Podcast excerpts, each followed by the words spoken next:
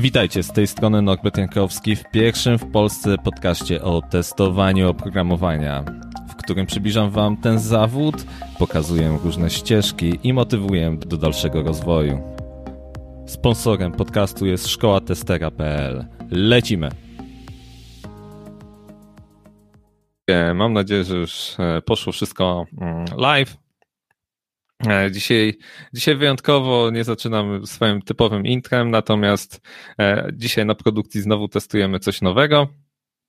Razem z wyjątkowym gościem, który jest testerem już e, z dziewięcioletnim doświadczeniem, specjalizującym się w automatyzacji, choć jego pierwszą miłością dalej są testy eksploracyjne. Nasz gość dzisiejszy pracował w wielu projektach e, w Polsce i za granicą, a od czterech lat udziela się dość aktywnie e, w społeczności testerskiej, na tyle, że dostał, został nawet za swój program wyróżniony przez nich.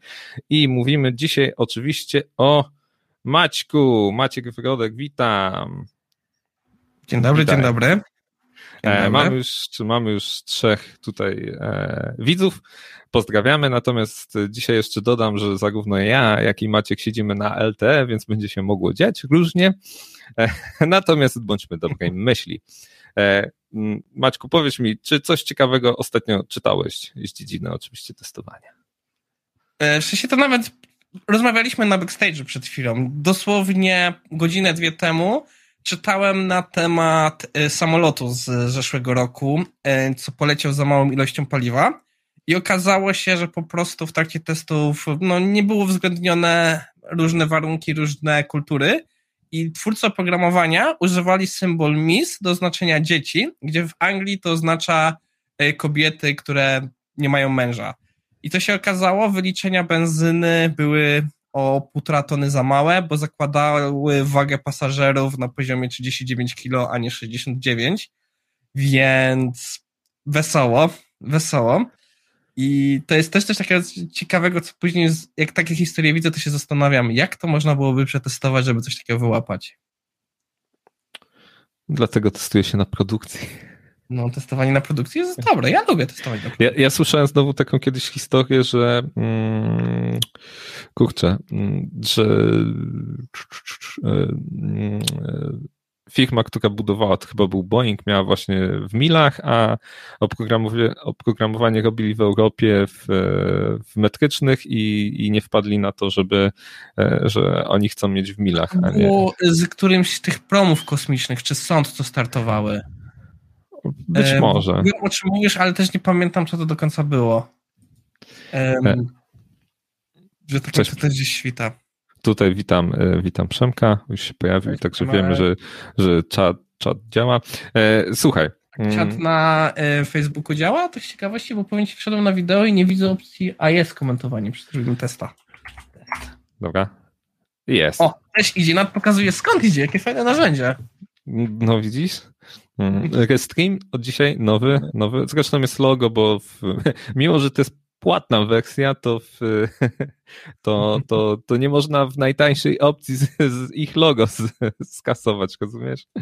No ale dobra, zobaczymy jak to, jak to będzie. Nie wiem, jak jest z nagrywaniem tego, co teraz mówimy. To już, to już e, ostrzegam może, może to być różnie. Natomiast ja dostałem informację, że dzisiaj wyjątkowo jeszcze nie przycinam. E, natomiast dla wszystkich słuchaczy, którzy wiedzą, e, jakie są moje przygody z internetem i walką o niego, nadal zbieram osoby, więc nie wiem, ale y, Starlink obniżył cenę wejściową w preorderu, także kto wie, może będziemy testować y, Starlinka na, na tym kanale. E, zanim jeszcze zaczniemy dokładnie, Maćku, e, będziesz musiał wybrać osobę, która, y, o, tu widać, która, która dostanie ten podręcznik CSS za jakieś... CSS co? Podręcznik CSS. E, podręcznik CSS. Tak, dla osoby, która będzie zadawała Ci fajne pytania, więc musisz na to też zwracać uwagę. To jest taki dodatkowy e, bonus, feature. Mm, natomiast y, y, słuchaj, zaczniemy od tematu IT Mornings. Skąd w ogóle pomysł się wziął? Bo wiem, że długo chyba się zbierałeś do tego, żeby, żeby się pojawiło to. O Jezu, to jest właśnie, powiem Ci, e, trochę piękny przykład iterative design, bo mniej więcej w 2017 zacząłem już myśleć o jakimś podcaście i tak dalej. Wtedy siedziałem jeszcze w Irlandii i nie czułem się na siłach, żeby coś takiego pociągnąć samemu, bo uważałem, że jednak nie mam jeszcze tej prezencji scenicznej, nie mam tych umiejętności, żeby coś mhm. ciągnąć samemu. E, I to były takie moje pierwsze przymiarki, żeby coś próbować. Wtedy z kolegą właśnie zaczęliśmy coś organizować. Ostatecznie to nie wypaliło, ale między innymi po tamtej czasie miałem trochę tego sprzętu, wliczając w to um, właśnie ten mikrofon, wliczając w to trochę doświadczenia z Audacity i tak dalej. I cały czas mi po głowie coś chodziło z tym dzieleniem się wiedzą. Nie szukałem jakichś tematów. Ja bardzo lubię właśnie czytać szeroko, czytać dużo, że dużo informacji zbierałem. I gdzieś kiedyś Kamila Polańska podrzuciła mi ideę, żeby może zrobić podcast, gdzie się omawia newsy ze świata, testerskiego i tak dalej, bo jednak nie wszyscy tego śledzą, a dzieje się trochę ciekawych sytuacji. I to w pewnym sensie były takie rzeczy, które były zapalnikami, które ta idea trochę mi w głowie iterowała. E, zaczęła się pandemia, e, Kasia Balcerzak wtedy próbowała zrobić test Fiestę, i jakoś coś tam w tej dyskusji było, że oni preferują godziny wieczorne, a godziny ranne były wolne, a mi już od dłuższego głowy siedziło, że jest taka fajna gra słów, która jest niewykorzystana. IT. Więc kurde, to wręcz się nadaje jakieś takie po prostu herbatka i tak dalej i tak to w pewnym sensie wypaliło. Wiadomo, później iteracja długo na temat formy, ale mniej więcej to jest takie, wiesz, wypadkowa różnych sytuacji i dlatego ciężko mi powiedzieć, gdzie jest taki moment, gdzie faktycznie idea wystartowała, bo pewnie daleko gdzieś będzie alkohol. E, bo powiem tylko słuchaczom, że obecnie e, jestem na Twoim kanale, jest 243 odcinki łącznie się pojawiły. To jest naprawdę bardzo, bardzo dużo i bardzo dużo pracy w to włożyłeś. A jak gdyby specjalne, to już przekroczyliśmy 250. No tak, tak, tak, tak, tak, dokładnie tak. Więc, e, więc wyróżnienie jak najbardziej się należy. E, no i później, tak jak mówisz, iteracja, ale pomysły, skąd bierzesz pomysły, bo to i motywację, bo jak robiłem odcinek właśnie o podcaście, to jedno z pytań, które się pojawiło, to o motywację. Skąd ją bierzesz, bo to dwa razy chyba w tygodniu się pojawia, więc Codziennie. Codziennie? A, okej. Okay, Codziennie. Bo... E, dwa razy w tygodniu będzie od połowy e, kwietnia, bo idę na urlop.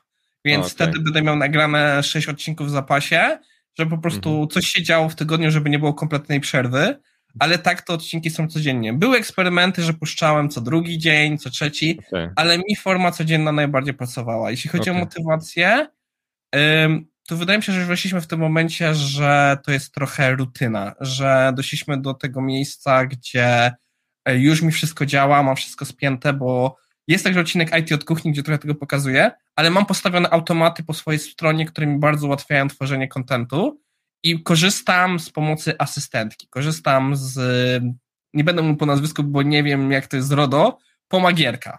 Okay. To jest mhm. nazwa jej profilu właśnie na Facebooku, strony internetowej i to jest wirtualna asystentka, z której pomocy mam tak z 10 godzin w miesiącu i ona mhm. mi właśnie pomaga ogarnąć te rzeczy pod social media, przygotowanie grafik i tak mhm. naprawdę fakt, że tam ktoś jest, z kim współpracuje i wtedy to dużo robi, że po prostu ona tam jest i ja jej płacę i ona oczekuje na to, że będzie miała co tam robić, więc w pewnym sensie to mnie motywuje, żeby te rzeczy też się działy mm, bieżąco.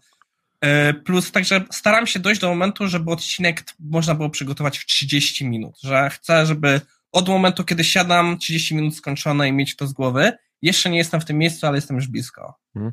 A tutaj Martyna się pyta, jakie automaty? Um, to znowu jest trochę iteracyjnie, bo po prostu jest dużo takiej powtarzanej pracy, czyli na przykład ja używam własne linki po to, żebym mógł patrzeć, co ludzie klikają i tak dalej, i żeby to nie były wielkie opisy, to na przykład używam automaty, które zmieniają mi linki na moje. E, mhm. Kiedyś trzymałem e, wszystkie rzeczy w mapie myśli i później miałem e, kod, taki po prostu krót, krótki skrypt, który z mapy myśli mi wyciągał te linki i przerabiał je na po prostu taki tekst, gdzie wszystkie rzeczy były w opisami. Obecnie to jest na tyle skomplikowane, że ja jako źródło bazy artykułów używam Pocketa. Jak dodaję artykuł do Pocketa, używam specjalnych tagów mhm. i później automat mi ściąga wszystkie tagi oznaczone tymi artykułami, dzieli je na odcinki i dodaje do tego wszystką otoczkę, czyli nazwy, nie nazwy i tak dalej, rzuca to do e, Google Doca i tak naprawdę jedyne, co mi zostaje, to podawać właściwe tytuły, bo nie, bo nie mam jeszcze autogeneracji tytułów i nie wiem, czy w ogóle da, jak to zrobić. I od tego momentu e, właśnie pomagierka siada, przygotowuję grafiki i później tak naprawdę, gdy przychodzi już tydzień, codziennie siadam i nagrywam odcinki, bo jedyna rzecz, która jest tak na świeżo nagrywana, wybierana, to jest eventy. Eventy mhm. to jest rzecz, o której po prostu biorę danego dnia, co mi zwróciło uwagę i tam o tym mówię. Bo odcinki z reguły są nagrywane dzień wcześniej, więc mhm. um, dzisiejszy odcinek był nagrany wczoraj, w niedzielę będę nagrywał odcinek na poniedziałek. Są czasami wyjątki, jak na przykład święta i tak dalej, um, lub właśnie gdzieś mam wyjeżdżać, to wtedy robię zapas sporo odcinków, żeby to było zabezpieczone. A powiedz mi, skąd bierzesz e, Masz jakąś bazę takich stron przygotowanych, e, gdzie coś o testowaniu się pojawi, czy ogólnie IT i z tego tam feedy bierzesz i te ciekawsze po prostu wyciągasz? Tak i nie. W sensie um, ja uważam, że to Twitter jest bardzo toksyczny i raczej mało tam się udzielam, ale jest dużo hashtagów, gdzie ciekawe artykuły się pojawiają, okay. więc trochę śledzę tego śledzę LinkedIna. Wiadomo, to nie jest tak, że non-stop siedzę. To jest po prostu bardziej patrzę, co mi ciekawego wpadnie gdzieś w oczy, że mam jakieś parę napisanych query do tego. Mhm. Przez lata mój RSS feedowy zrobił się przerośnięty, że nawet ostatnio trochę rzeczy usuwałem, bo dochodziło do tego, że wpadało mi tam 2000 artykułów dziennie, to już było nie do przerobienia. I to są takie główne źródła. Mam jeszcze, założyłem jakiś czas temu pod IT Morning także adres e-mailowy i gdzie mam wpięte wszystkie jakieś ciekawsze newslettery, które gdzieś mi się przywinęły i po prostu jak na bieżąco mi coś ciekawego wpadnie, to po prostu dorzucam do Pocketa. Jak mi na przykład widzę, że zbliża się okres, gdzie muszę wygenerować content i nie widzę czegoś ciekawego, to później siadam właśnie do tych wszystkich jakichś materiałów, które mam zebrane i po prostu przeglądam to, że umiem szybko czytać, to między innymi jest właśnie strategia, jak właśnie szybko rozpoznać się, czy artykuł jest ciekawy, czy nie. I jak widzę coś, co mi się podoba, to później to idzie do właśnie tych materiałów. Następnie, wiadomo, jest też taki moment sprawdzenia tego, że już patrzę, co mi tam się wygenerowało, czy wszystko jest ok, bo nagle może mi się stwierdzić, że jednak artykuł mi nie leży, to się go w ostatniej chwili też wymienia. Ale ostatnio już radzę sobie na tyle dobrze, że chyba z miesiąc nie musiałem wymieniać artykułu, tego co już poszedł do generatora. Mhm, mhm. E, to jest dość dużo pracy i to nie jest wcale takie proste wcale, jakby się mogło wydawać, czyli tam jest sporo automatów, które e, wyrzucają i pomagają ten content, a powiedz mi, bo było, padło takie pytanie, dużo kosztuje taka pomoc asystentki? Tak z ciekawości. Um, Mniej Przyznam więcej. się szczerze, nie wiem jak na to odpowiedzieć, bo nie dyskutowałem z nią te rzeczy. E, jest to, powiem tak, e, to co ona robi w 15 minut mi zajmuje dwie godziny. Więc okay. jeśli bym patrzył na to moimi stawkami, to nawet wiesz, to nawet z tej perspektywy mi się bardzo opłaca. Mhm. Więc to tak naprawdę sam Cantio, ile ona mi czasu ratuje, to mi się opłaca. Wiadomo, nie jest to jakieś super drogie, ale też nie nazwałbym, że to jest tanie, że uważam, że jest to w tej cenie, której jest ta usługa dla mnie warta. Okej, okay. no tak, w zasadzie to, to ty jako odbiorca powinieneś wiedzieć, e, hmm. czy to, co płacisz jest e, wprost proporcjonalne do tego, co zyskujesz. O, ten sposób. Dobra, tu już, się, tu już się pojawiło kilka innych e, pytań, które tyczą się już testowania i tutaj pierwszy jest od e, Przemka. Dużo osób interesuje się testowaniem. Wymieńcie kilka rzeczy, które są dla Was super w pracy testera i kilka, które są denerwujące w tej pracy. O, to już w ramach tego kolejnego pytania odnośnie roadmapu. No to jest ciekawe, w sensie bardzo ciekawe pytanie. E, rzeczy, które są super. I znowu muszę użyć słowa to, co zależy, co może zrobimy drinking game. Jak powiedzieć, co zależy, to musimy się napić. Nie przygotowałem sobie nic do picia. nie, nie, wiesz, lepiej tego nie róbmy, bo będziemy za toalety latać. E, w skrócie, pracowałem w wielu firmach i zrozumienie roli testera było kompletnie inne. Ja bardzo lubię, mimo że w wielu punktach już się z Jamesem Bachem nie zgadzam, dalej lubię czytać z niego. On kiedyś powiedział, że testowanie jest jak seks. Jeśli nie sprawia ci przyjemności, to robisz to źle. I uważam, że jest dużo w tym prawdy, że jest dużo te takie eksperymentowania, myślenia, co się wydarzy, jak coś można zepsuć, takie po prostu nawet trochę zabawy Sherlocka, czyli żeby zrozumieć, co się wydarzyło, gdzie idziemy i co ma się z tym wydarzyć. To jest coś, co mnie najbardziej do tego zawodu ściągnęło. To była taka moja pasja otwierająca to, że po prostu to ciągła eksperymentacja i ciągłe szukanie, co można zepsuć. Czego nie lubię? Jedna rzecz, którą sam z tym walczę, to jest, że my jako testerzy przez trochę sposób, jaki byliśmy traktowani na rynku, mamy ten taki kompleks mniejszości, że jesteśmy po mhm. prostu ci gorsi, że e, jesteśmy traktowani jak ci gorsi. Ogólnie w IT, zwłaszcza takim już software house'owym czy takim produktowym, to już tak nie jest, ale wydaje mi się, że my dalej mamy ten trochę kompleks i to czasami widać po wypowiedzi niektórych testerów, że to jest coś, co trochę mi się nie podoba, też sam u siebie z tym walczę, a drugą rzeczą jest, dalej są miejsca, gdzie jesteśmy traktowani jako te kozły ofiarne, bo żeby po prostu rzucić na kogoś winę, że coś się nie udało. I to mhm. jest też coś, czego nie znoszę i staram się z tym walczyć, kiedy ile razy to widzę. Hmm.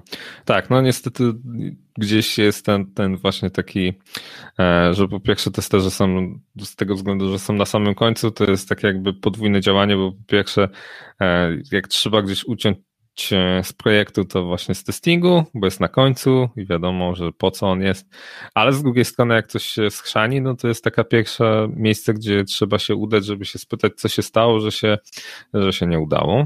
E, więc to takie dwa, natomiast ja osobiście kiedyś, kiedyś, nadal lubię dlatego, że praca z różną technologią, kiedyś więcej trochę może gadżetów miałem, bo gdzieś tam trochę mobilkami też się zajmowałem, konsolami, e, także z technologią I, I dlatego też właśnie e, testing mi się podobał.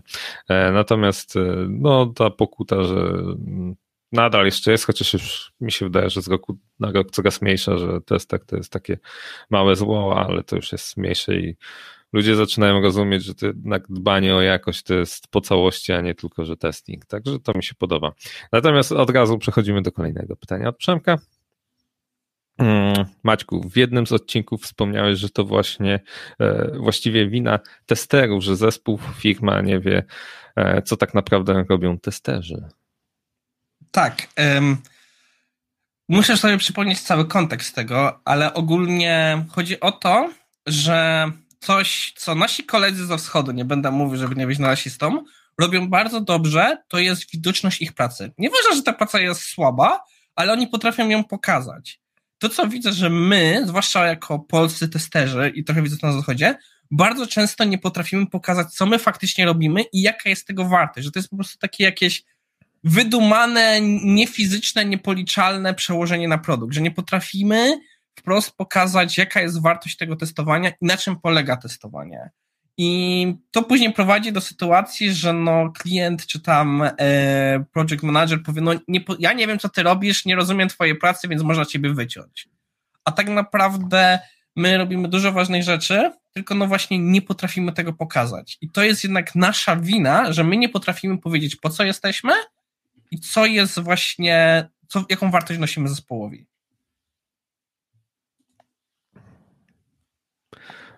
No dobra. E, tutaj e, testerem być. Maciej! E, tak, pozdrawiamy. Nie należy być tylko skromnym, trzeba jeszcze głośno o tym mówić.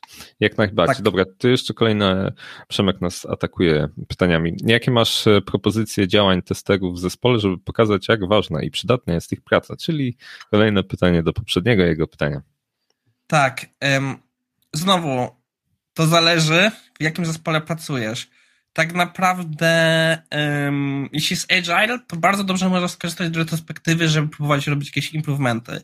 Ja na przykład w tej chwili e, pomagam jednej firmie, której nie mogę nazwać i dzisiaj właśnie robiliśmy warsztat, gdzie im pokazywałem, jak działa risk-based testing i jak tak naprawdę to by mogło im pomóc lepiej szacować, co trzeba sprawdzić w historyjce, jak trzeba historyjki zaplanować, bo dużo mają fajnego testowania, ale jeśli chodzi o testowanie manualne, to jest właśnie taka sytuacja, że bardzo klepią testerzy, ale deweloperzy nawet nie wiedzą, co tam się dzieje. Nie rozumieją, co się dzieje w testowaniu, a tutaj właśnie dzięki na przykład takim sesjom, żeby się spotkali, razem przedyskutowali, jakie są ryzyka w danej historyjce i jak można to zabezpieczyć, też łatwiej będzie pokazywało, jakie faktycznie może przynieść ta historyjka problemy i właśnie jak to można rozwiązać że to jest jedno z takich właśnie narzędzi, których ja lubię. E, to się nazywa, jeszcze raz powtórzę, risk-based testing. Jest fajna prezentacja PGS-u z 2013 poświęcona temu tematowi. E, polecam ją obczaić, bo wydaje mi się, że to jest jedno z lepszych wyjaśnień, o wiele lepsze niż większość artykułów, jakie ostatnio poznajdowałem na ten temat. E, mamy tak samo coś, co od Michała Buczko się zaraziłem. On na przykład opowiadał, że jak pracował z deweloperami, to bardzo często zanim zaczynał testować historyjkę, siadał z nimi do unit testów i prosił, żeby mu pokazali.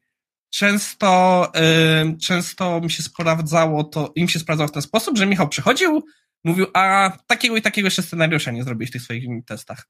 Deweloper, no to za pół godziny przyjdź, będziesz mógł testować. To ja idę na obiad. Uczuć wraca po obiedzie i później jest, no co, jest to gotowe? Nie, jeden z tych scenariuszy wywalił mi kompletnie kod i mam teraz połowę do przepisania. Więc to jest też, gdzie można pomóc. Można siąść z nimi przy unit testach i można im pokazać ciekawsze scenariusze do wymyślenia. Oczywiście na początku będziecie mieli z tym problem, bo musicie zrozumieć też koncepcję unit testów, że to jest jednak trochę inny typ, ale jednak to nasze myślenie destrukcyjne tutaj też bardzo się przydaje. Takie na szybko dwa pomysły, które mi chodzą po głowie. Tu mamy jeszcze odpowiedź. E, Przemka, jak walczyć z podejściem, to przez testera nie wypuszczamy. E, nie wypuszczamy, bo on chce testować. Ja zawsze mówię, że dzięki temu nie będzie, o, nie będzie od siódmej telefonów od klienta. To w sensie, że Przemek tak e, doradza. Jeśli wiem o co chodzi. Um, znowu, zależy od dojrzałości zespołu. Kurde, zależy. Um, najważniejsze jest, e, jeśli trzeba się po prostu pomyśleć o przesunięciu tego ownershipu jakości, żeby zespół czuł, czuł się ownership, ownershipem tego, żebyś nie ty był tym gatekeeperem, tylko że na przykład zespół. Więc można, są różne pomysły. Można na przykład popatrzeć z deweloperami, czy dałoby radę um, zabezpieczyć ich wsparcie na release, że na przykład jeśli faktycznie coś pójdzie nie tak, e, to będzie to oni będą siedzieć i będą to naprawiać po nocach, a ty będziesz spał. To jest taki, wiesz, taki bardzo ekstremalny, którego nie polecam, ale są prostsze sposoby. Yy, wiadomo, można po prostu zmienić trochę podejście z tego, co też Bach preferuje, ja trochę mam do tego zastrzeżenia, na bardziej informacyjne, czyli że ty pokazujesz takie takie są informacje, takie, takie są ryzyka i no i jako zespół musicie podjąć decyzję, czy uważacie, że te ryzyka są odpowiednie, żeby pójść tym na produkcję, czy nie. I wtedy nagle się zmienia śpiewka, bo wtedy nagle jest yy, no okej, okay, to może jednak nie idźmy. No bo to, to, to jesteś członkiem zespołu, to nie powinna być twoja odpowiedzialność. To powinna być odpowiedzialność zespołu, bo jedziecie na innym wózku. Ale to tak jak wspomniałeś, wszystko zależy od tego, jak bardzo jest dojrzały zespół, albo firma, albo tak dalej, i tak dalej, albo tak, jakie mają procesy. To od wielu czynników zależy. Ładnie, Natomiast... strasznie elastyczna lista tego. Natomiast jak najbardziej warto o tym wspominać, jeżeli jest jakkolwiek, e, nie wiem, lista ryzyk, to warto cokolwiek tam wpisać jeżeli czujesz, że trzeba się tym podzielić, żeby później nie mieć jakichś problemów, choćby z tego powodu. E, natomiast e, słuchaj, chciałem jeszcze Cię podpytać, bo w ramach IT Mornings mówiłeś o testowaniu sztucznej inteligencji. To mnie bardzo interesuje i sztuczna inteligencja też jest taka trochę się robi, no robi, jest na topie.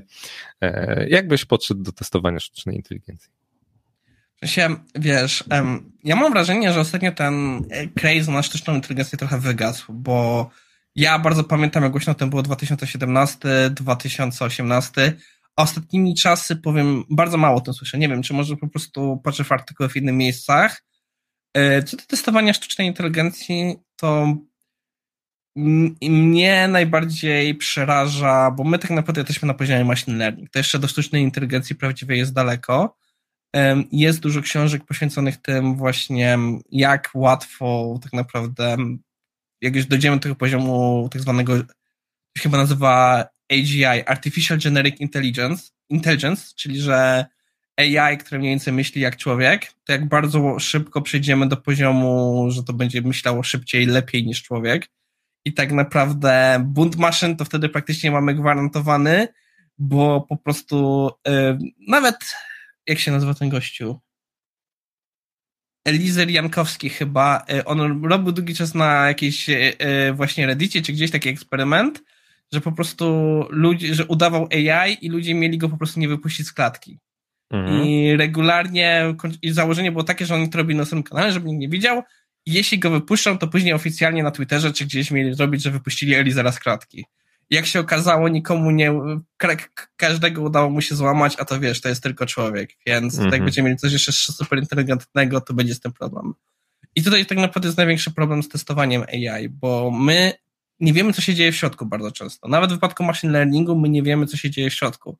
My mamy jakieś przypuszczenia i tak naprawdę w dużej mierze to się sprowadza do testowania na bazie, jak to się nazywa, property-based testing, czyli mamy jakieś nasze założenia inputu i mamy nasze jakieś założenia outputu.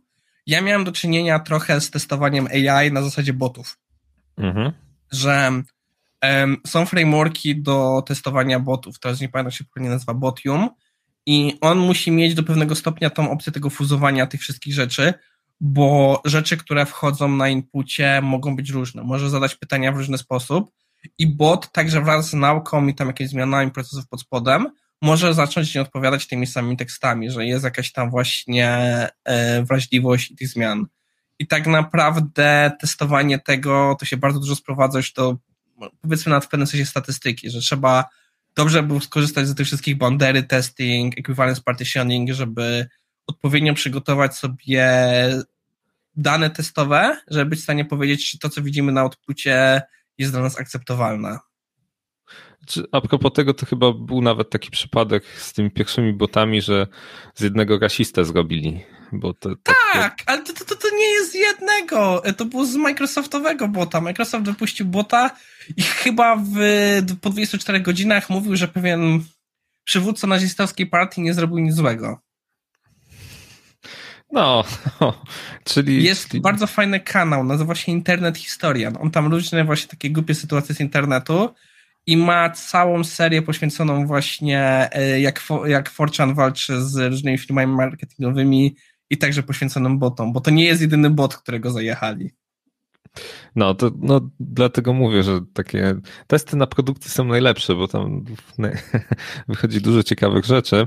E, natomiast tutaj Przemek napisał, e, że sztuczna inteligencja, którą uczymy logiki i konsekwencji, może stwierdzić, że postępowanie ludzi jest bardzo nielogiczne. No, tak. Jak tak. najbardziej. Tak, w sensie e. tutaj właśnie um, polecam książkę Life Free Zero Maxa Tagermarka i on trochę właśnie te tematy porusza, że tak naprawdę AI może po prostu dalej mieć nasze polecenie zakodowane w sobie, na przykład zapewnić, żeby ludziom nie stało się krzywda. Tak mhm. naprawdę może dojść do jakichś niesamowitych wniosków, że wszystkich nas trzeba pozamykać, bo po prostu sami sobie się pokrzywdzimy. No, wiele tych dystopijnych, fajnych wizji można z tego uszyć, więc też jestem ciekaw, w którą stronę to idzie. Um, no dobra, to sztuczną inteligencję trochę już pokryliśmy. Tutaj e, Przemek poleca artykuł Macieja Kusza a propos um, e, a propos testowania. To ten e, testowania rekruterów, że robił tak. na LinkedInie eksperymenty. Ja będę puszczał ten artykuł jakoś w przyszłym tygodniu będzie szedł. Fun fact. E, Maciej wydał go na Prima Aprilis i przez długi czas jak go czytałem, tak czytałem go z takim eee, bo myślałem, że to jest po prostu bardzo dobrze zaplanowany dowcip i dopiero gdzieś tak w połowie artykułu zaraz, zaraz. To gdzie jest ta puenta tego dowcipu? Bo jak na dowcip to niż to ciągnie bardzo długo i gada z bardzo dużym sensem. Także, także polecamy. E, I teraz mamy tutaj kolejne pytanie od e, Jarko321. Co sądzisz o model-based testing? Czy spotkałeś się z tym podejściem Hmm, testowania? Przyznam się, nie pamiętam tego podejścia. Wiem, że takie podejście istnieje. Wydaje mi się, że nawet mówiliśmy o nim w ramach IT Morning, ale dosłownie w tej chwili mam blanka. Nic mi nie przychodzi na ten temat do głowy. E, znam ten termin i pamiętam, że nawet patrzyłem, jak to działa, ale w tej chwili mam po prostu pustkę w głowie. Mm, ja szczerze powiedziawszy, też coś mi e, gdzieś tam dzwoni, ale nie, nie spotkałem się z tym podejściem. E, natomiast Maciek tutaj pisze, że on puścił go w swoje urodziny. Tak, tak.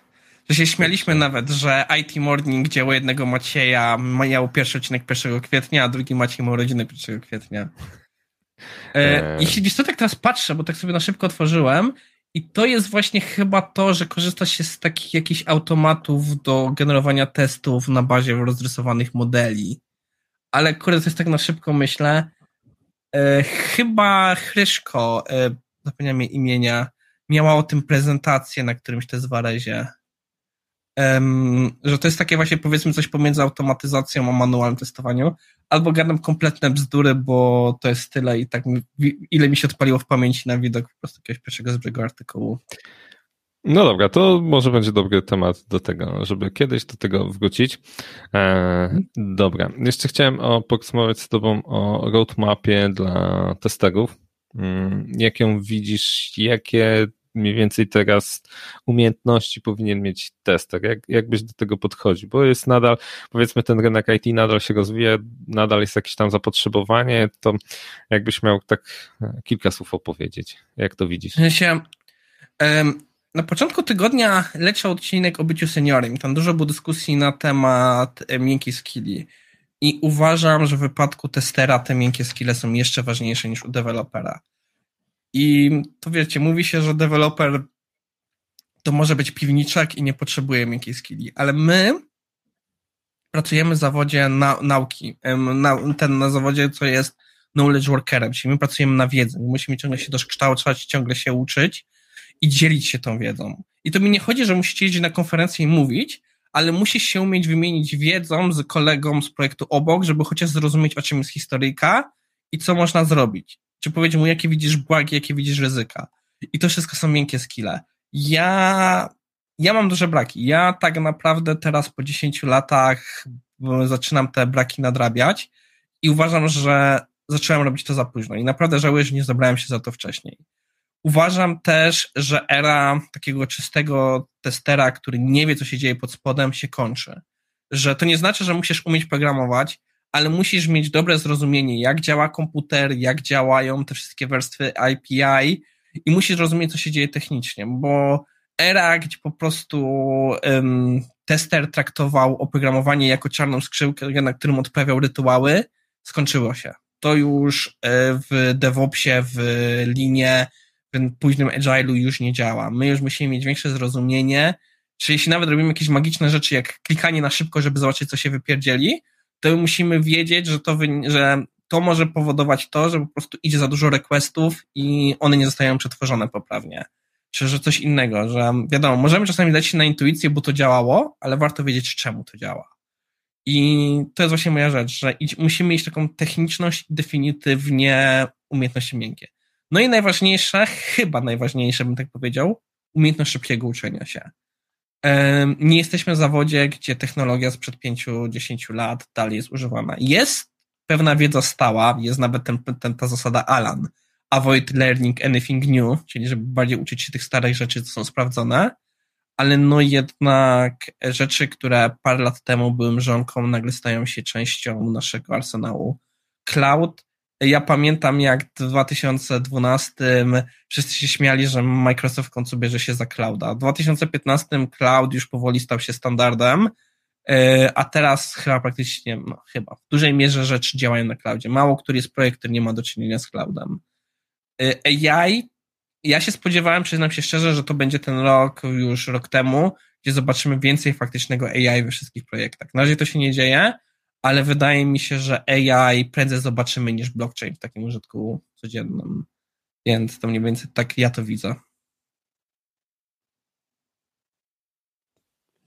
I tutaj jeszcze się pojawia e, Przemek z, pytania, z pytaniem w zasadzie, z, który kontynuuje jakby to, to, co przed chwilą powiedziałeś, czyli co myślicie o narzędziach low-code? Czy będą miały szerokie zastosowanie, na przykład w automatyzacji testów i wyprą naukę programowania w konkretnym języku?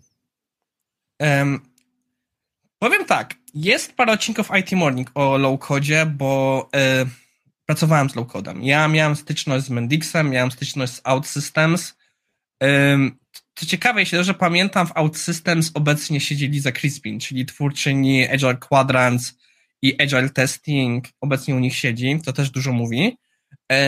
I powiem tak, ja mi stworzenie poca, proof of concept, jakiegoś pomysłu, który mam w kodzie, w C-Sharpie zajmuje do tygodnia. W, w Mendixie, w momencie, gdy już wiedziałem, jak się go używa, potrafię sobie wyklikać w dzień. Wiadomo, to jest w dużej mierze wyklikiwanie formularzy, robienie rzeczy z jakichś szablonów, ale to jest bardzo potężne narzędzie, w którym wiele rzeczy da się zrobić. Ono ma pod spodem jakiś też machine learning, który działa na tej zasadzie, że w momencie, kiedy robię workflow, który ma ileś tam ifów, to na bazie jednego, dwóch ifów on już wygenerował propozycję, jak pozostałe wyklikać. Więc naprawdę szybkość pracy jest tym niesamowita. W Objectivity um, była sytuacja, że jak w normalnym projekcie jeden tester na dwóch, trzech deweloperów wystarczał, tak w wypadku um, Mendixa były sytuacje, że, jeden, że dwóch testerów nie wyrabiało na jednym deweloperze, bo tak szybko można dewelopować. Mendix, nie wiem jak teraz, wtedy miał te problemy, że bardzo trudno go się automatyzowało automatyzacja na poziomie unit testów istniała przez jakieś dziwne pluginy, co dodawały jakieś bloczki, które słabo działały. Automatyzacja na poziomie API było tyle dziwna, że on, przez to, że API, jeśli nie zrobiliśmy specjalnych zewnętrznych API, to on sobie sam autogenerował API, bo to nie było coś, co miał człowiek używać. To po prostu miał backend, frontend sam sobie komunikować, a my to tylko sobie z bloczków wyklikaliśmy tą logikę. Co powodowało, że na przykład raz musieliśmy robić testy performance w Selenium, bo praktycznie co, co refresh serwera zmieniało się kompletnie struktura JSONów, e, które były wysyłane w API. Więc jedyną opcją, żeby faktycznie zrobić performance wtedy dla nas to było Selenium. Teraz mamy lepsze pomysły, ale wtedy tak wyglądało i ja widzę dużo to nadzieję. To nie spowoduje, że znikną nam deweloperzy, ale ja uważam, że bardzo wiele projektów przejdzie w tą technologię. Ona jeszcze potrzebuje paru lat, ale ja bym się nie zdziwił, jakby za 10 lat większość projektów, które widzimy w IT, które nie są jakieś, które muszą być super wydajne, postawały w Mendixie, w OutSystemie, w Power Appsach czy innych rozwiązaniach. Jeśli chodzi o automatyzację, tu na razie jest trochę słabiej. Bawiłem się testimem, bawiłem się Mablem, jestem polski bug czy jakoś tak. Mabl zrobił na mnie póki co najlepsze wrażenie z nich wszystkich, ale dalej ma swoje problemy. E, robiliśmy w Objectivity hackathon na temat visual testingu i koleżanka, która używała Mabla, wygenerowała najwięcej testów. Ale te testy były też. Mabl się bał na przykład powiedzieć, że test failował. On zaznaczał go do weryfikacji, ale żeby powiedzieć wprost, że test zrobił failure, już bardzo się obawiał. I um, ogólnie widzę, że już jest lepiej z narzędziami właśnie takimi record and play ale dalej widzę jeszcze przestrzeń na tego, że to jeszcze porośnie. Ale uważam, że to też się wydarzy. To jest też kwestia czasu, kiedy to wszystko się uprości, bo jedno jestem pewien. Jeśli deweloper jest w stanie wygenerować tyle kodu w low-codzie w ciągu jakiejś godziny, dwóch, to nie może być, że automatyzacja testów będziemy do tego pisać tydzień. To nie może tak być. Jeśli oni tak szybko będą te rzeczy generować, to tak samo szybko musi być generowany kod, który będzie to sprawdzał. Więc widzę tutaj potencjał na narzędzia. Nie spotkałem się jeszcze z czymś, co by w pełni to sprawdzało, ale uważam, że to jest tylko kwestia czasu. Super, dzięki. Tu też Przemek dziękuję za super odpowiedź. E, a gdzie widzisz testerów manualnych? To jest bardzo może być niepopularna odpowiedź, ale ja jestem sporym fanem podejścia modern testing, co promujowany jest przez Alana Page'a i Brenta Jensena. I oni traktują testowanie jako rolę, jako aktywność, która jest do wykonania w ramach sprintu, a nie jako pozycję, którą ktoś musi zajmować. E, ja widzę testerów manualnych bardziej w roli takich ekspertów, co przychodzą do teamu i wprowadzają tą wiedzę testerską, czyli pokazują zespołowi, jak testować, jakie są podejścia, co można zrobić, jak to można zrobić. I bardziej właśnie takie trochę lotne elektrony, które może nie być na stałe przypisane zespołu, tylko jego bardziej rolę z tego eksperta, który na początku pokazuje deweloperom, jak testować przez samo testowanie, ale z czasem coraz bardziej się od tego wszystkiego oddala, jedynie robiąc powiedzmy takie jak e, e, podsumowania sesji testerskich z deweloperami, gdzie oni mówią mu, że to, to tam to przetestowali i kończące się na tym, że on w pewnym momencie mówi, ok, to ja idę już do następnego teamu i im pomóc. E, a z czasem no, wywolwowanie jakąś inną rolę. Jeśli jest techniczny, to może w jakiegoś właśnie osobę ala dewelopera faktycznie w zespole. Tak zrobił Microsoft, albo w jakąś rolę inną, biznes analityków, produkt ownerów. To są kierunki, które widzę, że wiele testerów rozwijają. Mhm. Oczywiście uważam, że te, rola testera będzie dalej istniała w projektach, które potrzebują audytów, potrzebują bardzo sztywnego procesu, jak automotive, lotnictwo, medycyna. Tam będzie na pewno, ale w pozostałych widać ten trend na zachodzie. Kto wie, może się z jakąś czasem odwróci, ale widzę w produktówkach coraz bardziej iście w tą stronę, że wracamy do full stacka, osoby, co robi wszystko. Okej, okay, super. Dzięki, dzięki za odpowiedź. Hmm. To ciekawe jest, co powiedziałeś, nie powiem. E, bo kiedyś jakoś, jak jeszcze to analizowałem, to bardziej właśnie było, że ten manualny jednak na dłużej zostanie, natomiast świat się zmienia i wiadomo, że to. A chociaż nie wiadomo, bo to gaz idzie w tą kierunku, gaz idzie w tym kierunku, gaz idzie w tym kierunku. Zmienia. Wiesz, więc to, to, to jest wszystko płynne. No, natomiast. E, jest tyle wersji przeszłości, ile osób. Ja akurat y, jestem po prostu ciekaw, bo ja właśnie mi bardziej patrzę z perspektywy DevOpsa i Lina, gdzie chcemy jak najbardziej skrócić ten feedback lub jak najszybciej dostarczyć informacje, to w tym wypadku to takie ogniwo przekazywania historyjki z testera do dewelopera do testera i z powrotem, to widzę jako takie właśnie najsłabsze ogniwo, gdzie można tutaj wiele czasu zaoszczędzić, jakby jednak ta sama osoba to robiła. Ale no wiadomo, zobaczymy jak świat w którą stronę pójdzie. Mhm. A powiedz mi mm, z takich projektów, w których e, brałeś udział, jakbyś e, jakiś taki miał ciekawy, albo pozytywny, albo negatywny do powiedzenia. Jakiś takie, jakaś taka historia ciekawa odnośnie, nie wiem, fakapu albo czegoś, co fajnie wyszło. Dobra, to zacznijmy od negatywnego. E, jest, nawet całą prezentację na temat tej firmy.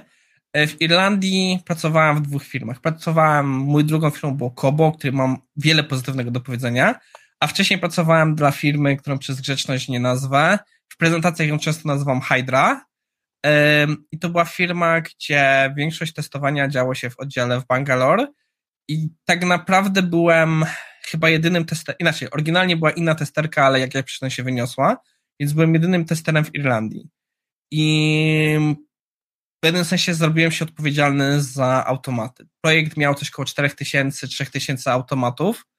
W momencie, jak przychodziłem, 80% z nich nie, nie przychodziła, a naprawa testów często była niemożliwa, bo testy były napisane tak, że w ciele unit testa było assert true i w środku jakaś nazwa, coś tam workflow, jakaś długa nazwa, 60 parametrów, nie żartuję, niektóre dochodziły do 60 parametrów podanych i tak naprawdę dopiero jak się weszło w ten workflow, czyli jakąś inną metodę, to tam jest wielki, wielka klasa z milionem f, ifów, które zwracały true i false.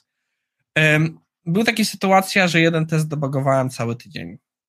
Um, tak naprawdę ja bym najchętniej wywalił większość tych testów, ale no niestety człowiek, który był nade mną ciągle to blokował. Jakimś cudem uważał, że po prostu tracenie tydzień na naprawę jednego testu było więcej warte niż faktycznie napisanie tych testów od nowa.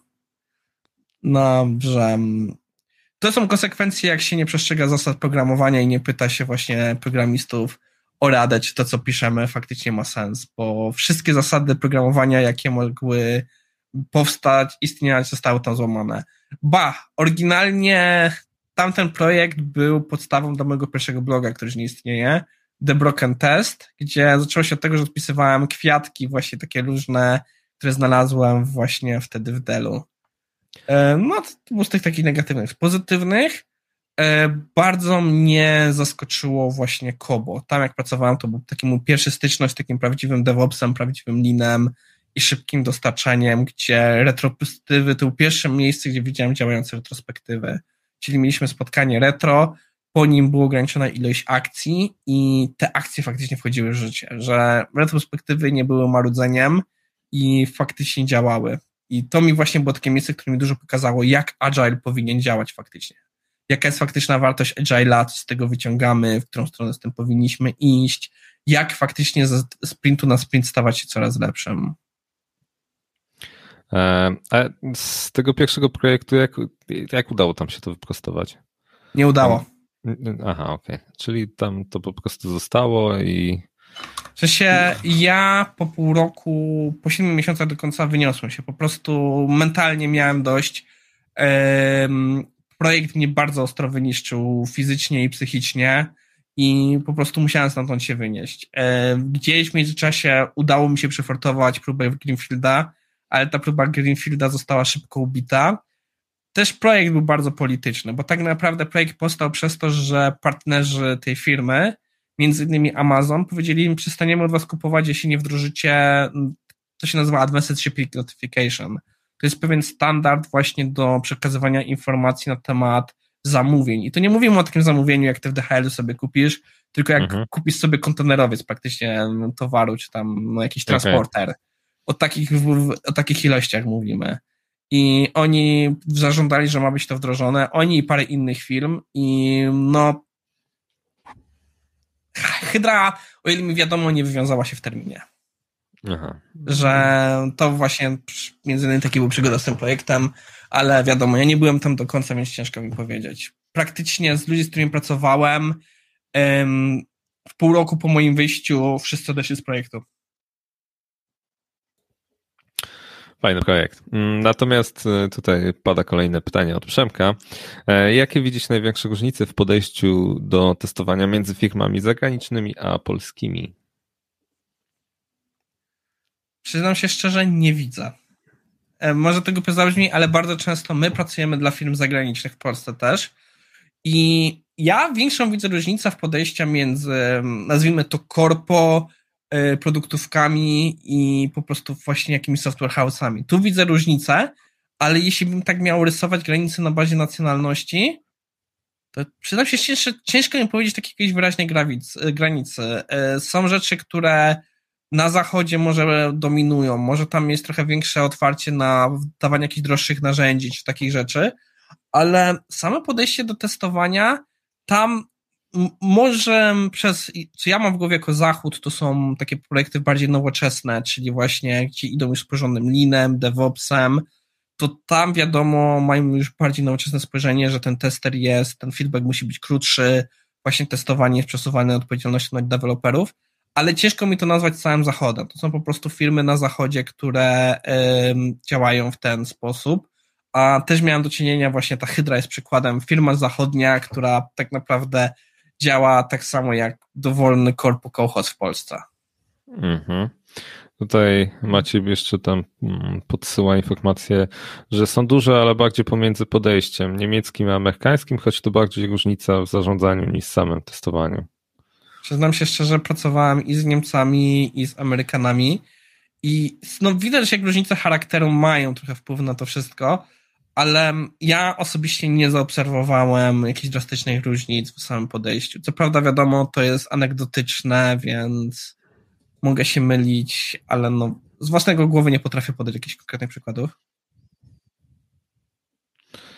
E, dobra, to tu jeszcze jest pytanie.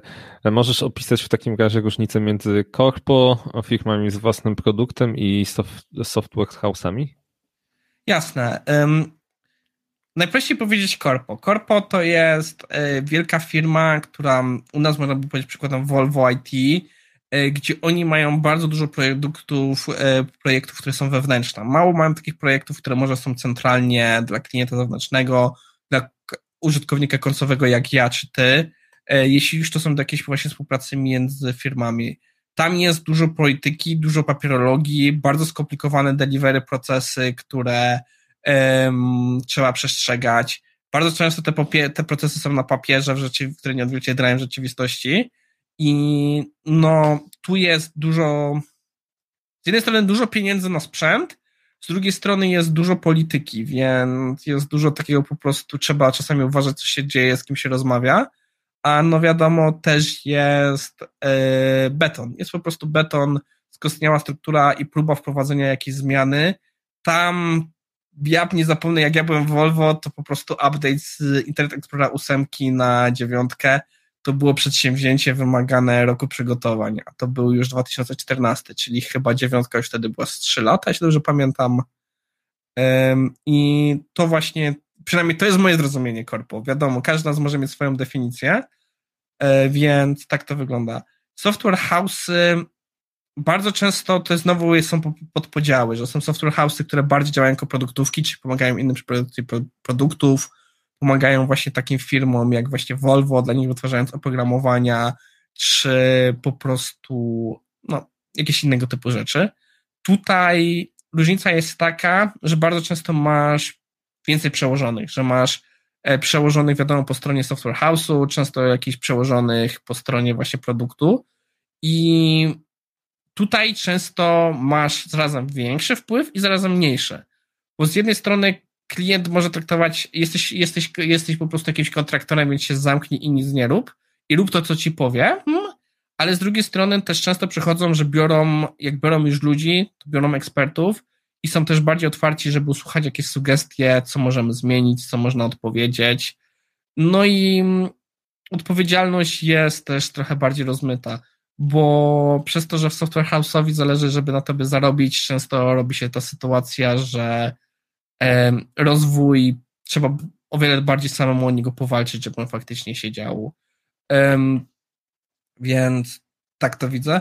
A jeśli chodzi o firmy z własnym produktem, to znowu mamy małe startupy, które kompletnie nie rozumieją testowania i bardzo często pierwszym testerem jest jakiś junior wzięty po studiach, który o testowaniu może przeczytał jakiś jeden artykuł i tak naprawdę w takiej firmie wiele rzeczy wymyśla się w koło na nowo. Są przygotowani dewelopersko, mają obczajone wszystkie narzędzia, mają obczajone inne rzeczy, ale testowanie kompletnie nie wiedzą nic i później trzeba się z tym długo wałować. Albo są już firmy takie faktycznie bardziej dojrzałe, produktowe, jak przykładem jest Kobo, gdzie tam są całe procesy testowania, ale jest to jeszcze, przez to, że jest ten ownership tego, co robimy, powoduje to, że cały proces jest o wiele płynny, o bardziej otwarty na zmianę. Oczywiście bardzo spłycam, bo każde korpo ma tysiące kolorów, software house'y, we Wrocławiu mamy chyba ich sześć takich dużych i każdy działa na kompletnie innych zasadach, więc to znowu jest takie upłycenie e, wyciągnięcia części wspólnych. No i firmy produktowe też każda działa inaczej, ale wydaje mi się, że to tak w dużym skrócie to jest takie tutaj e, te części. No dobra, mm, dzięki, dzięki za, za odpowiedź. E, ja się z Tobą zgodzę, że to też mm, tak jak powiedziałeś, w dużym skrócie, ale to wszystko też zależy od konkretnego przypadku. Natomiast e, słuchajcie, picie, zostało... pamiętajcie. e, zostało ostatnie 9 minut. Jeżeli macie jakieś pytania, to jest ten moment. E, tak, żebyśmy się zmieścili w, tych, w, tej, w tej godzinie. E, natomiast dajcie też znać, jak Wam się podoba.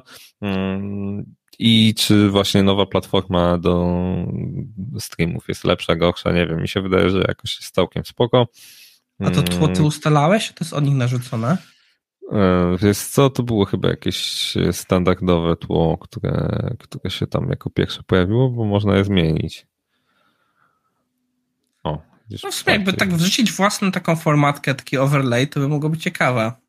E, mo można dodać na przykład, poczekaj, pokażę ci tutaj o, widzisz jakieś kwiatki, jakieś nie wiadomo co się pojawia. Tylko to trzeba mieć nice. chwilę, żeby się, po, żeby się pobawić. No więc... właśnie ja też nigdy nie miałem. Ja po prostu overlay miałem zrobione, że wyciąłem na biały tekst.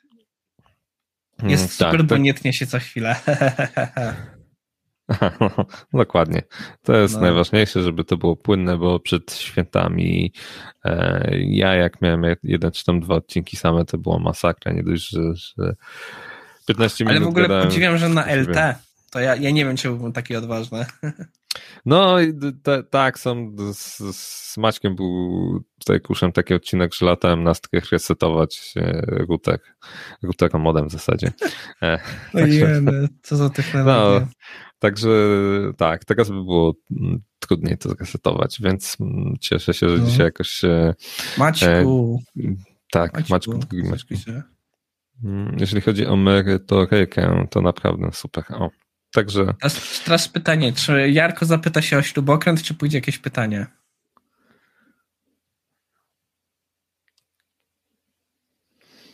Hmm, nie wiem, czy to platforma, czy internet lepiej śmiga, ale nie znikasz nam jak to chwilę. no, ale to wszyscy wiedzą o tym znikaniu, także to jest. Jak, Jakich skillów radziłbyś uczyć się poza Java, C Sharpem Java? Zacznijmy od tego, że przyznam się szczerze, Wydaje mi się, że jakbym miał rekomendować język w tej chwili, to bym chyba rekomendował JavaScripta albo TypeScripta. E, Java i C Sharp dalej są bardzo przydatne, bo w testowaniu API jest dużo fajnych rzeczy. O, Maciek już wiadomo. Tak, Python oczywiście, Python. Um, wiadomo, Python ma sporo, spory renesans dzięki AI obecnie, nie ma tutaj gadać, ale jeśli pracujemy w takich technologiach bardziej internetowych, to wydaje mi się, że chyba obecnie JavaScript jest najbardziej przydatnym, bo jest to coś, co jest używane na froncie, coraz więcej rzeczy backendowych też przez ten Node.js się w tym pisze.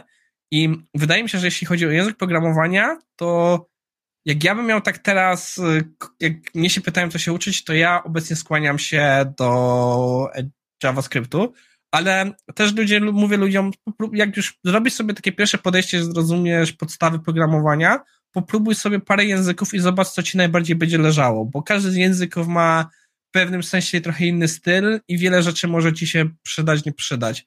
Ja na przykład zaczynałem programowanie w Javie i się przełączyłem na, y, na C Sharpa w pewnym momencie i tak naprawdę to było piękne przełączenie dla mnie, bo wtedy C Sharp był tak o wiele bardziej zaawansowany e, niż, e, niż właśnie e, Java. No, Maciek nie do końca się zgodzę. Wydaje mi się, że nawet jak się patrzy na rzeczy backendowe i tak dalej, to jednak posiadanie umiejętności w JavaScriptie dalej jest bardzo przydatne. To a propos um, odpowiedzi Maćka, czy że... JavaScript i Cypress wykosi e, e, Java i Selenium? To jest skomplikowane pytanie. Jak widzę nowe projekty, które startują, coraz rzadziej widzę e, Selenium jako narzędzie do startów. Ja w projektach, gdzie ostatnio robiłem różnego typu rekomendacje, to najczęściej była dyskusja między Playwrightem, a właśnie Cypressem. Selenium rzadko kiedy obecnie się pojawia, chyba, że gdzieś tam w dalszym planie chcą mieć też w Appium, to wtedy jeszcze gdzieś Selenium się przewija. Czy wykosi? Nie wydaje mi się, bo jest strasznie dużo projektów Legacy, które tego używają i te projekty jeszcze długo będą żyły, więc z mojej perspektywy nie jestem pewien. Um, uważam, że Selenium będzie traciło na znaczeniu, bo chłopaki przespali swoją szansę. Selenium 4 moim zdaniem powinno wyjść ładny rok, dwa temu i fakt, że tego dalej nie ma, to oni już są trochę do tyłu. Z tego co pamiętam, Selenium 5 będzie się trochę ratowało, i chcą korzystać z podspodem już z Puppeteera, żeby trochę rzeczy przyspieszyć. Um, jestem ciekaw, co z tego wyjdzie. W w 2020 na Selenium Campie gadałem trochę na ten temat z Simonem Stewartem, ale wtedy to jeszcze był taki bardzo u nich taka mglista idea, więc zobaczymy, co z tego faktycznie teraz wyjdzie. No. No i jeszcze, jeżeli jesteście manualnymi i w waszej obecnej pracy jest gdzieś automatyzacja, no to warto iść w tą stronę, żeby mieć jakiś punkt wejścia. Możecie przejść jakoś płynnie w ramach jednej, jednej firmy. Czasami tak można, czasami nie. Dobra, to jeszcze e, Maciek odpisuje, że Backend to dalej głównie web lub dodatki jak mobile, jak inne rzeczy to Python. Pokrywasz, e, pokrywa szerszy zakres. Że się z embedded się zgodzę. Zgodzę, chociaż chyba tam C++ dalej jest królem, ale nie jestem aż tak na bieżąco. Z DevOpsem już nie jestem pewien, czy bym się zgodził. Um, tutaj praktycznie, tutaj praktycznie głównie są skrypty bashowe, PowerShellowe, Python też się przydaje, ale też widziałem rzeczy w JavaScriptie, więc DevOpsem nie jestem pewien, czy się zgodziłbym. E, ale też nie mam na tyle wiedzy, żeby specjalnie kłócić się z DevOpsem. Um, Maćku. O, chyba teraz się przycięło. Maćku, słuchaj, zostały dosłownie ostatnie minuty. Dla kogo książka? No, wybór jest bardzo mały, więc Przemek. Przemek, okej, okay, dobra. Chyba, że już dostał kiedyś Przemko, Przemek książkę, to Jarek. Jarko. No dobra, dostał, więc e, Jarko, jeżeli nadal nas słuchasz, to odezwij się do mnie e, mm, po książkę. Przy, przy, czy to przez formularz kontaktowy podcast testowanie.pl, czy szkoła testera.pl, to trafi do mnie.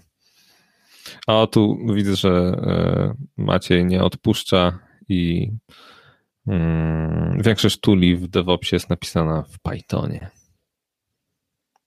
Um, a ja mogę ci podać przykłady napisane w C Sharpie. Większość rzeczy w Azure ma pod spodem C Sharp albo F Sharp. Więc no, to jest dyskusyjne. W sensie widzę twój argument, ale nie jestem, nie wydaje mi się, żeby tutaj było aż takie, tak, takie super mocne. I tak CSS nie za bardzo cię, interesu się interesuje. A, a jako będzie się interesował, bo dostanie książkę. Natomiast e, jeżeli chodzi o dalszą dyskusję na temat e, AWS większy, tutaj Python i te sprawy, to słuchajcie, jeżeli kiedyś doczekam się tego światłowodu, to wtedy kilku panów naraz zaproszę będzie fajna, fa fantastyczna dyskusja. Na tą chwilę e, chciałem Ci, Maćku, podziękować. Mm, super, że wpadłeś. E, teraz ruszasz gdzieś na wakacje, także mam nadzieję, że wyjazd będzie udany. A może zdradzić, gdzie jedziesz? Tak, w rodzinne strony. Ja jestem z Jugowa, z Kotliny Kłodzkiej. Moi rodzice przeprowadzili się jakiś czas temu do Wrocławia Podmirków. Przed pandemią dom, który tam stoi, plan był odmalować go, zrenowować i zrobić z niego po prostu pod wynajem jako taką atrakcję turystyczną ale pandemia trochę pokrzyżowała ten plany, bo rodzice wstrzymali inwestycje, bo po prostu no, bali się o pieniądze. Mhm.